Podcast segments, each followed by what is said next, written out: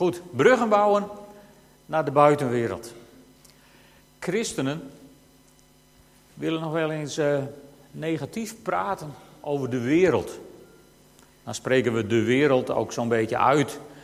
Alsof je direct wel door hebt van dat is iets waar je niets mee te maken zou moeten willen hebben. En als die wereld dan ook nog moslim is, of homo, of occult, dan wordt het vaak nog negatiever. En waarom zou je nou de moeite doen om met die grote boze buitenwereld een brug te bouwen? Nou, het antwoord dat uh, staat in misschien wel het meest bekende vers uit de Bijbel. Johannes 3, vers 16. Want God had de wereld zo lief. Daar staat niet de gemeente. Daar staat niet de kerk. Daar staat niet zijn volk of zijn discipelen. Nee, daar staat de wereld. De kosmos in het Grieks. Dus de wereld met alles erop en eraan en erin.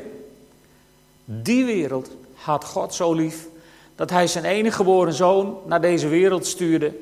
Opdat iedereen die in hem gelooft niet verloren gaat, maar eeuwig leven heeft. Daarvoor kwam Jezus naar deze wereld. En als God nou zo'n megabrug bouwde naar deze wereld, wie zijn wij dan om afstand te nemen van de wereld? Ik zag eens een, eh, spreker bij Hillsong in het Engels, heel mooi, een, een, een woordspeling maken. Hij zei: We are not off from this world. We zijn niet van deze wereld. Maar we worden ook niet geacht om van de wereld te zijn. We zijn hier en we hebben hier een missie. We hebben hier een plek. En in het volgende vers, in Johannes 3, dan wordt het nog explicieter gemaakt. Daar, staat, God heeft zijn zoon niet naar de wereld gestuurd om een oordeel over haar te vellen. Maar om de wereld door hem te redden. Met andere woorden, die wereld waarvan christenen soms lijken te denken van waren we er maar af. Voor die wereld kwam Jezus hier naar de aarde om diezelfde wereld voor eeuwig bij zich te houden. Wat een tegenstelling. Wat moeten we daar ontzettend veel verleren. En, en, en Jezus geeft telkens het voorbeeld. In Johannes 8, vers 11, daar staat het verhaal over de vrouw die op overspel was betrapt. En dan bij Jezus wordt gebracht. En, en dan zegt Jezus die prachtige woorden. Hij zegt, ik veroordeel je ook niet. Ga heen en zondig vanaf nu niet meer. Moet je eens opletten wat Jezus daar doet. Hij veroordeelt ze niet. Aan de andere kant noemt hij wat ze gedaan heeft in alle vrijmoedigheid zonde. En hij nodigt haar uit om daarmee op te houden. Eigenlijk zou je kunnen zeggen, Jezus, Jezus wijst haar niet af door de veroordeling, maar hij trekt haar juist naar zich toe door die uitnodiging om haar leven te veranderen, zodat ze een discipel van Jezus kan worden. Wat een brug wordt daar even gebouwd. En, en in Johannes 3, dan gaat het nog verder. Er staat in vers 18, over wie in hem gelooft wordt geen oordeel uitgesproken, maar wie niet in hem gelooft is al veroordeeld omdat hij niet wilde geloven in de naam van Gods enige zoon. Dus het, het komt aan op de keuze. Bij die overspelige vrouw kwam het aan op de keuze die ze maakte. Wilde ze volharden in haar levensstijl? Of was ze bereid om een keuze te maken om haar leven anders te gaan leven? En hier staat dat ook. Wie gelooft? Ben je bereid? Dat is natuurlijk altijd de vraag. Ook in onze levens volgens mij geweest. Ben je bereid om je geloof te vestigen op de Zoon van God, Jezus Christus? En als je dat bent, dan ben je gered. En dan staat daar van, er zijn ook mensen die willen niet geloven. En dat brengt me bij, bij die noodkreet van Paulus in Romeinen 10. In Romeinen 10, vers 14. Misschien kunnen we dat even lezen met elkaar. Romeinen 10. Direct na handelingen.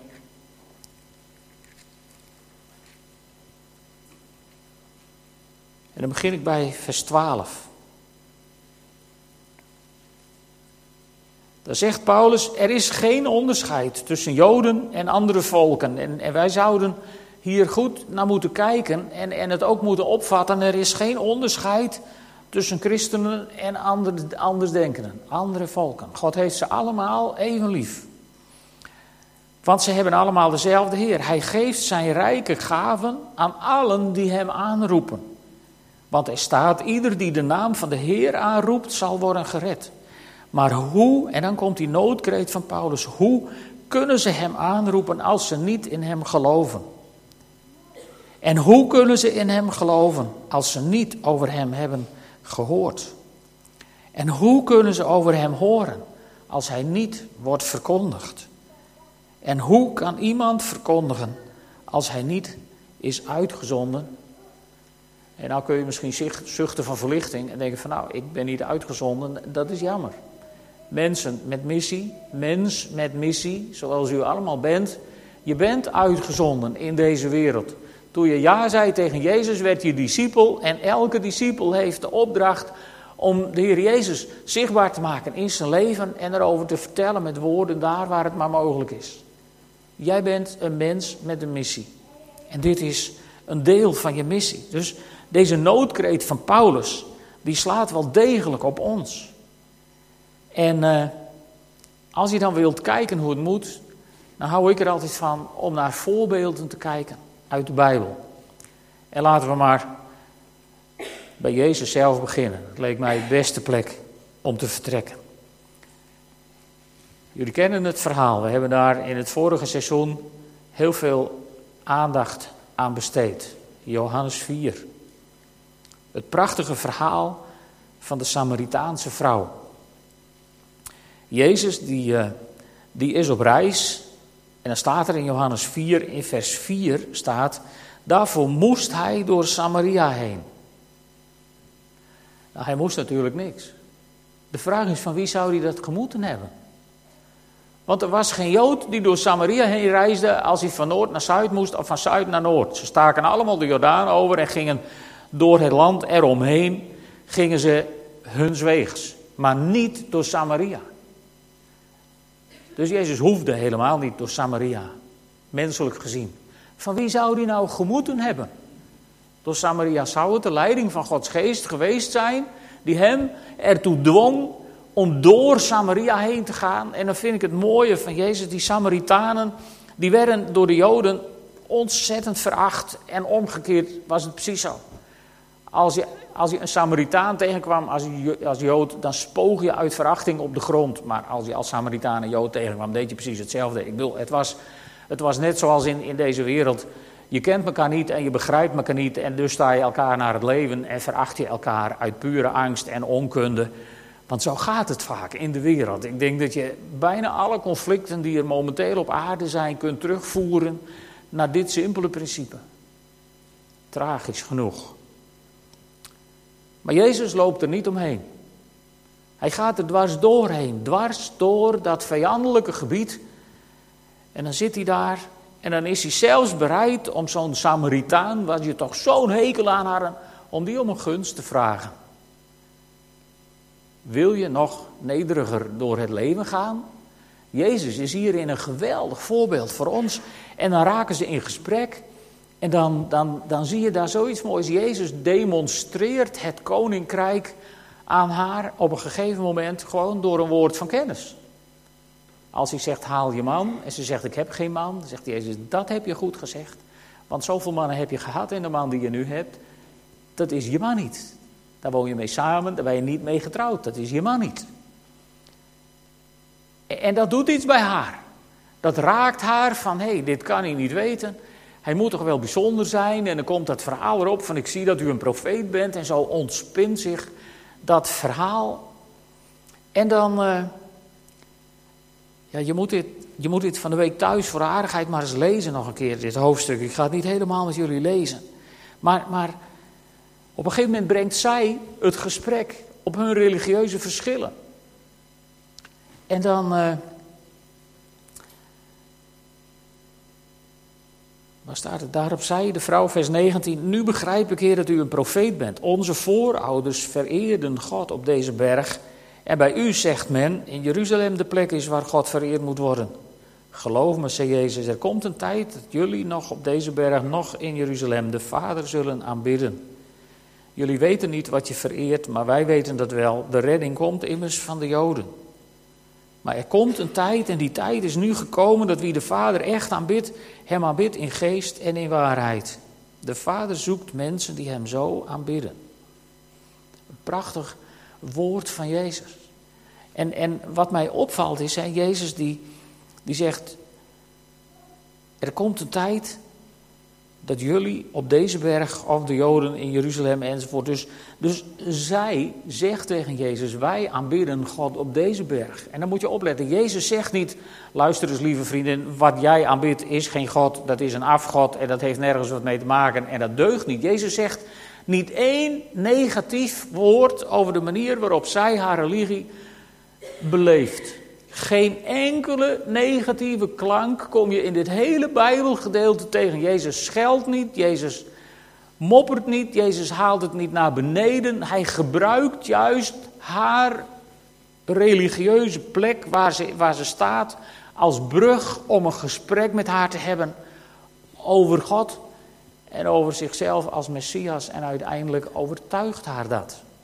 Hij had daar ook heel makkelijk tegen zich in het harnas kunnen jagen, waardoor het gesprek bij voorbaat in schoonheid gestorven was. Ik vind dat heel bijzonder zoals Jezus dat doet. Geen enkel negatief woord. En dat brengt me bij het tweede voorbeeld van natuurlijk een groot navolger van Jezus. Paulus. dat staat in Handelingen 17. In Handelingen 17, daar is Paulus in Athene aangeland een paar versen van lezen. Handelingen 17 vanaf vers 16. Terwijl Paulus in Athene op hen wachtte, raakte hij hevig verontwaardigd bij het zien van de vele godenbeelden in de stad. In de synagoge sprak hij met de Joden en met de Grieken die God vereerden en op het marktplein ging hij dagelijks in debat met de mensen die hij daar aantrof.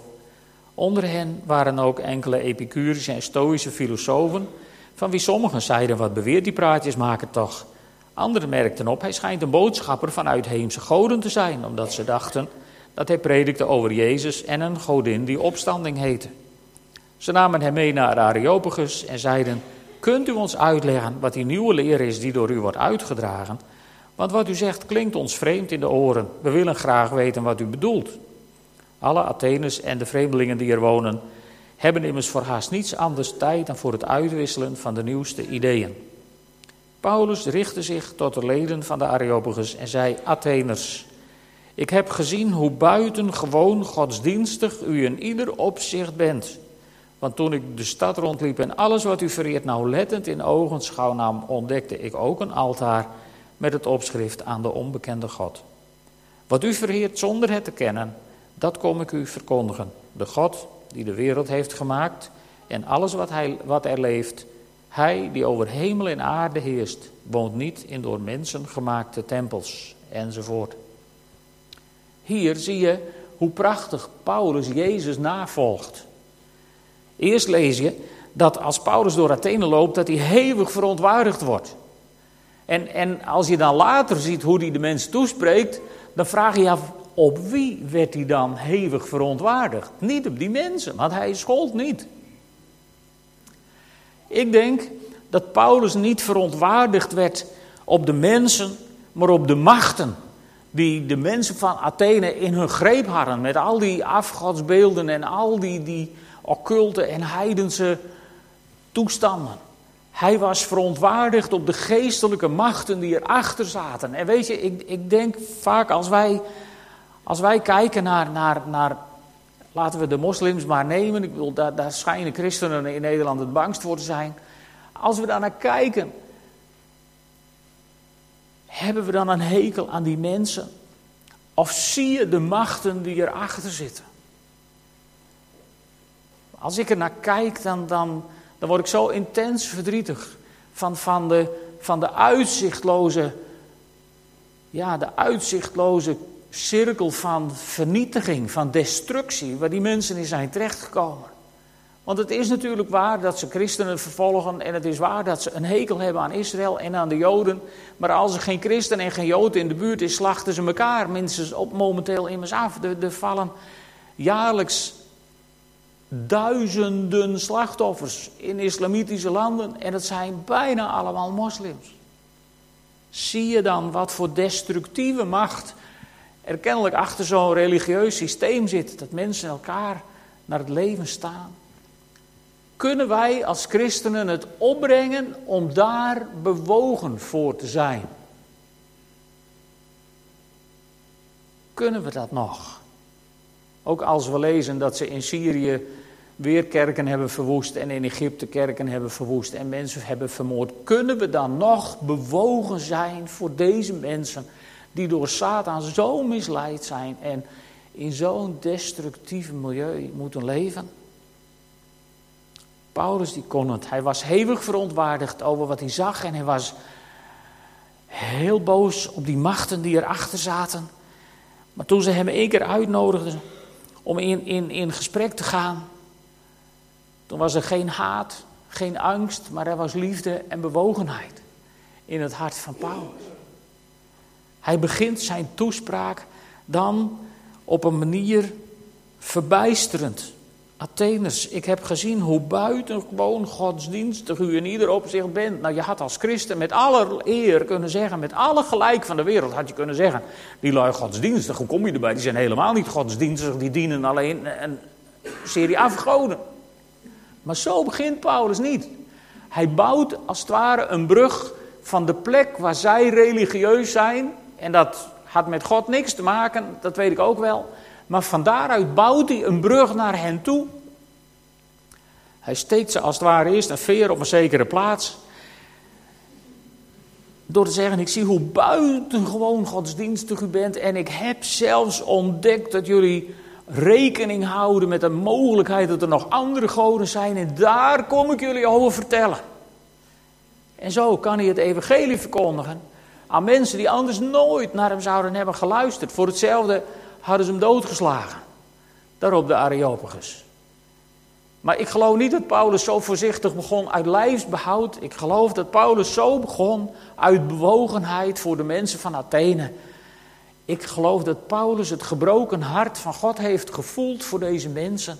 En ze daarom zo, zo geweldig benadert. Zo positief vanuit zo'n prachtige, prachtige uitgangsstelling. En, en dan eindigt hij in vers 30 met een oproep. Zo knap. God echter zegt, je moet je opletten. Dit moet je vergelijken met wat Jezus zegt tegen de overspelige vrouw. Ik veroordeel je niet. Hier zegt hij, God slaat echter geen acht op de tijd waarin men hem niet kende. Maar roept nu overal mensen op om een nieuw leven te beginnen. Dus hij heeft het niet over, over hun leven voordat Paulus hun over Jezus vertelde. Hij zegt, daar slaat God geen acht meer op. Als je nu je keuze maakt, als je nu zegt, ja heren, met u wil ik verder in het leven, dan is alles wat achter je ligt schoongewassen door het bloed van het lam. En kun je met een schone lei het nieuwe leven met Christus binnen. Nou, is dat nou niet mooi? Dat is nog eens een evangelie. En daar willen ze ook wel naar luisteren. Dus ook Paulus eindigt heel knap met een oproep aan de mensen om, om Jezus te volgen. En zo zegt, het is allemaal Nieuw Testament. Maar in het Oude Testament staat ook een heel mooi voorbeeld. Daar kunnen we ook wel even heen. Naar Daniel.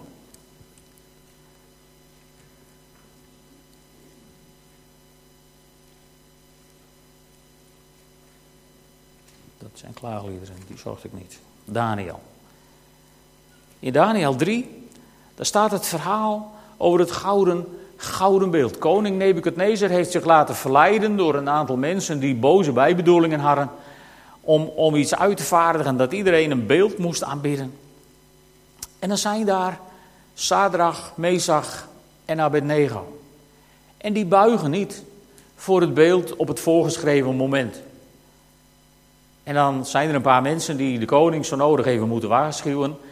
In de hoop dat het met Zaterdag, Mezag en Abednego heel slecht zou aflopen. Nou, jullie kennen uh, hopelijk het verhaal wel. En anders is dat ook een mooi verhaal om van de week nog eens te lezen.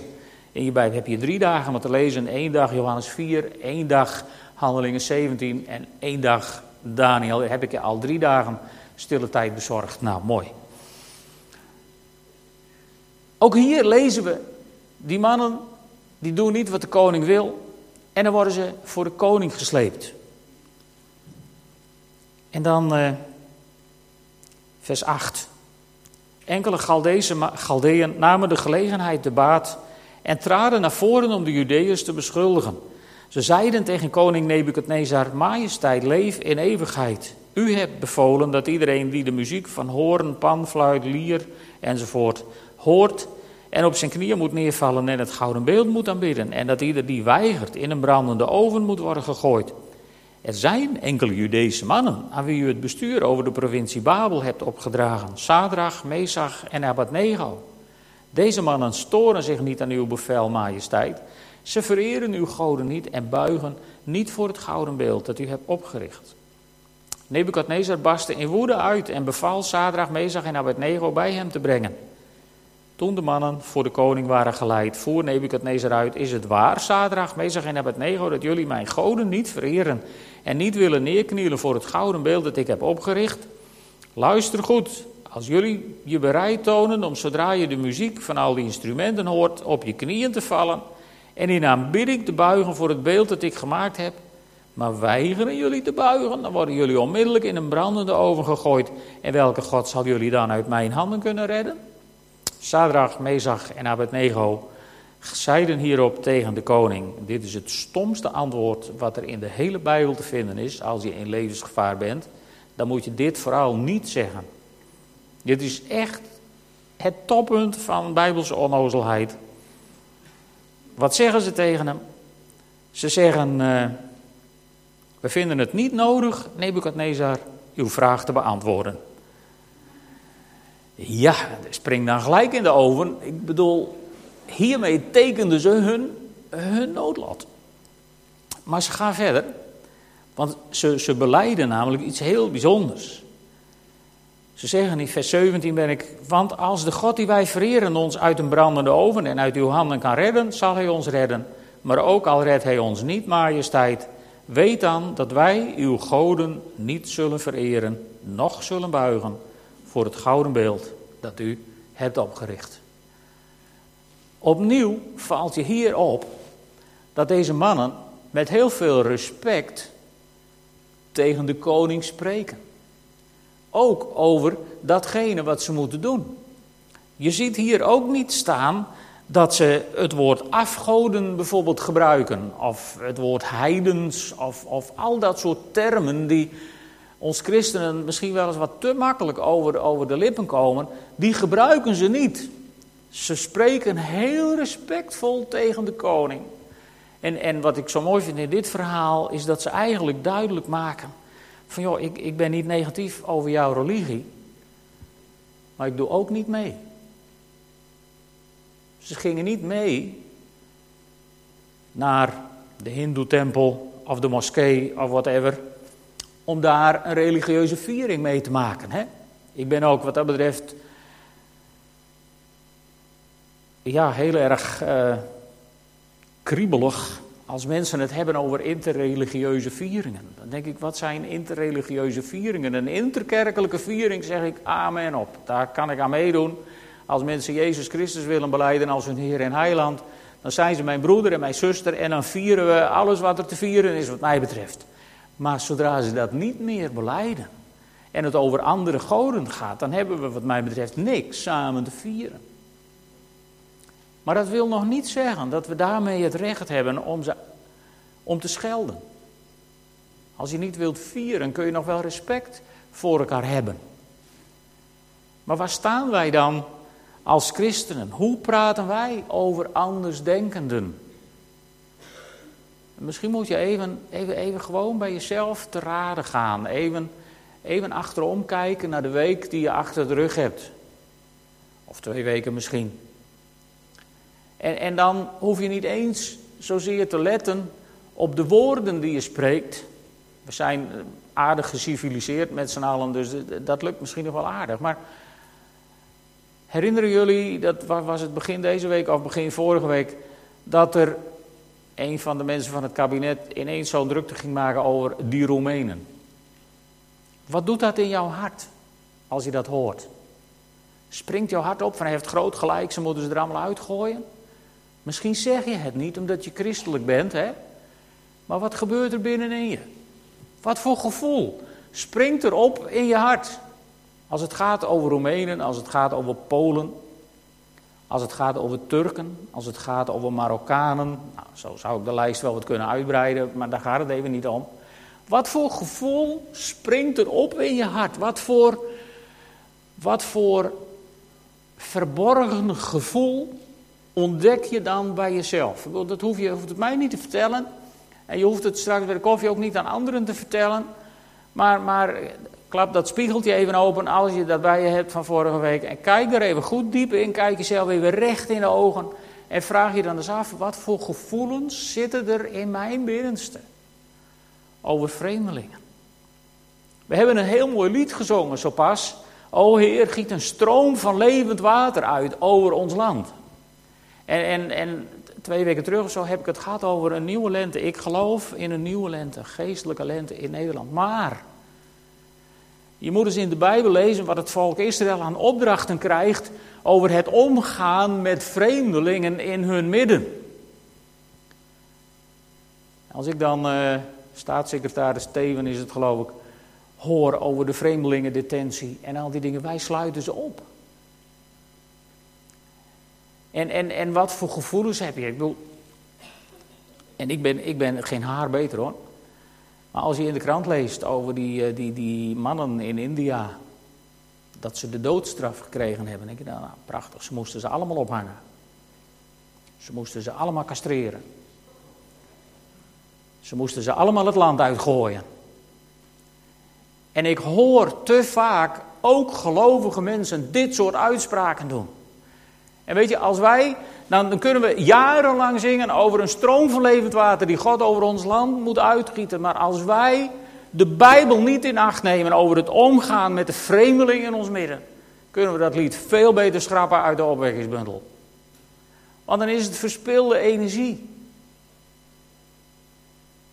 Ik geloof dat God dit land wil zegenen.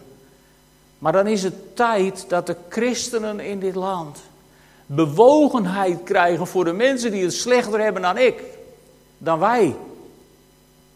Want wij zeuren in dit land wel over een crisis.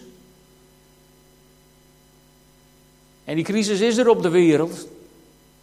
Maar wij hebben alle dagen nog te eten, we hebben alle dagen nog een dak boven ons hoofd en wij hoeven niet één dag rondkomen van minder dan één dollar. En weet je hoeveel miljoenen mensen er op deze aarde moeten rondkomen van minder dan 1 dollar per dag? Ik, ik, wil je direct wel vertellen dat dat onmogelijk is. Dus die mensen gaan dood. Als ze niks krijgen, dan is het genade, dan gaan ze wat vlugger dood. En als ze wat meer krijgen, dan hebben ze maar dan leven ze nog een beetje langer. Maar ze gaan dood. En dat gebeurt op deze wereld. Als ik dan naar die voorbeelden kijk in de Bijbel, dan zie ik een bewogenheid, dan zie ik een, een, een bijna gebrokenheid van hart. Ik wil jullie bekennen, die, die mis ik zo vaak bij mezelf. Als ik er dan naar kijk. En, en ik zou jullie vanmorgen willen vragen: zou je het aandurven om tegen God te zeggen: Heer, laat mij uw hart voelen over deze situatie? Dat kon wel eens een hele heftige belevenis worden. Weet je dat? Schelden en boos worden of allerhande opmerkingen maken, heeft nog nooit iemand gered. Er is ook nog nooit iemand tot bekering gekomen doordat hij het land is uitgegooid of is opgehangen of is gewet ik wat. Dat heeft nog nooit iemand bij het vaderhart van God gebracht. En weet je, toen ik hierover nadacht, dacht ik, zelfs Michael schold niet op Satan. Nou, als de aartsengel nog met respect spreekt tegen de grootste tegenstander van God, wie zijn wij dan om tekeer te gaan tegen mensen? En dat brengt me terug bij dat eerste vers. Even kijken, dit was Michael, maar die hebben we al gehad. Waar we mee begonnen zijn. God had de wereld zo lief dat hij zijn enige zoon naar deze wereld stuurde. En weet je, toen God Jezus liet gaan naar de aarde, toen wist hij wat er ging gebeuren. Want God weet alles. Toen wist hij dat zijn zoon op een verschrikkelijke manier de dood ingejaagd zou worden. En hij liet het gebeuren. Hoe bewogen moet het hart van de Vader zijn geweest toen Jezus naar deze wereld kwam? Hoe diep bewogen moet jou en mijn schepper zijn geweest met jou en mij, met deze aarde? Want Jezus stierf voor ons toen wij nog zondaren waren, zegt Paulus in Romeinen. Hoe bewogen moet God zijn geweest? Zou je het aandurven om God om die bewogenheid te vragen? Zullen we gaan staan en samen bidden?